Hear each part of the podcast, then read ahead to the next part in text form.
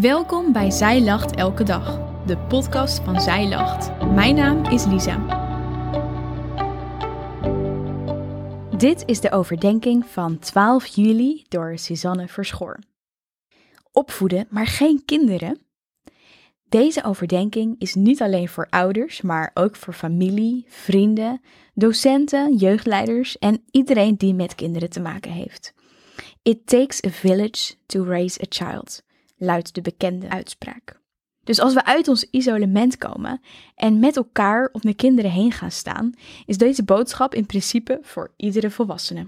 In de volgende tekst spreekt God tot de Israëlieten over het opvolgen van de geboden. Houd de geboden die ik u vandaag opleg steeds in gedachten. Prent ze uw kinderen in en spreek er steeds over, thuis en onderweg, als u naar bed gaat en als u opstaat. Deuteronomium 6, vers 6 en 7. Het gaat hierbij over de geboden voor Israël. Maar ook voor onze kinderen is het belangrijk om regels te hebben. Het belang is zo groot dat we het ze moeten inprenten. Er veel over moeten spreken, eigenlijk de hele dag door. Zo leren ze het onderscheid te maken tussen goed en fout. En in hun verdere leven te weten wat het juiste is om te doen en te kiezen. Wat wij als volwassenen aan onze kinderen meegeven, daar zullen ze later, als ze zelf volwassen zijn, de vruchten van plukken. Ook dit wordt ons geleerd in de Bijbel. Luister maar. In Spreuken 22, vers 6 staat het volgende: Leer een kind van jongs af aan de juiste weg, en het zal er niet van afwijken wanneer het oud is geworden. Jong geleerd is oud gedaan. In een podcast hoorde ik laatst de volgende opmerking: Een kind van twee dat ondeugend is, is schattig. Maar een volwassene van 40 die nog steeds alle grenzen opzoekt, is niet meer schattig. Ook in het Nieuwe Testament wordt ons verteld hoe wij als volwassenen met onze kinderen om moeten gaan. In Efeze 6, vers 4 staat: Vaders, maak uw kinderen niet verbitterd, maar vorm en vermaan hen bij het opvoeden zoals de Heer dat wil. Het is dus belangrijk dat wij geen verbitterde kinderen maken.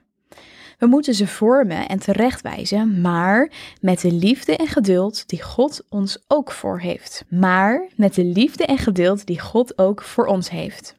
Een vermaning lijkt op het moment zelf geen vreugde te brengen, slechts verdriet.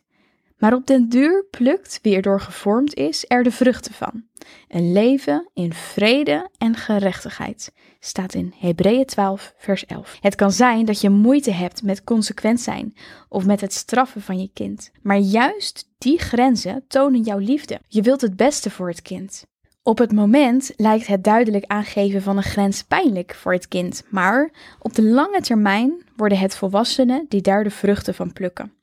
Volwassenen die in vrede en gerechtigheid leven. Uit deze Bijbelteksten blijkt wel wat een grote verantwoordelijkheid het is om kinderen op te voeden. Om ze te leren wat goed en fout is, respectvol met anderen om te gaan en ze een duidelijke, consequente, maar liefdevolle en genadige opvoeding te geven. Want wat wij onze kinderen leren, zullen zij weer meenemen naar hun eigen gezinnen. Wat wij nu doen, werkt door in de volgende generaties. Dat is echt een grote verantwoordelijkheid die we serieus moeten nemen.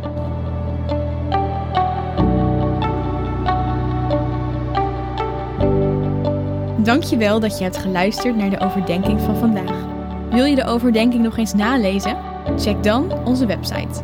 Je vindt daar ook nog meer toffe dingen die jou helpen om de Bijbel vaker te openen, zoals boeken, Bijbels, cursussen en evenementen. Morgen ben ik weer bij je terug met een nieuwe overdenking. Tot dan!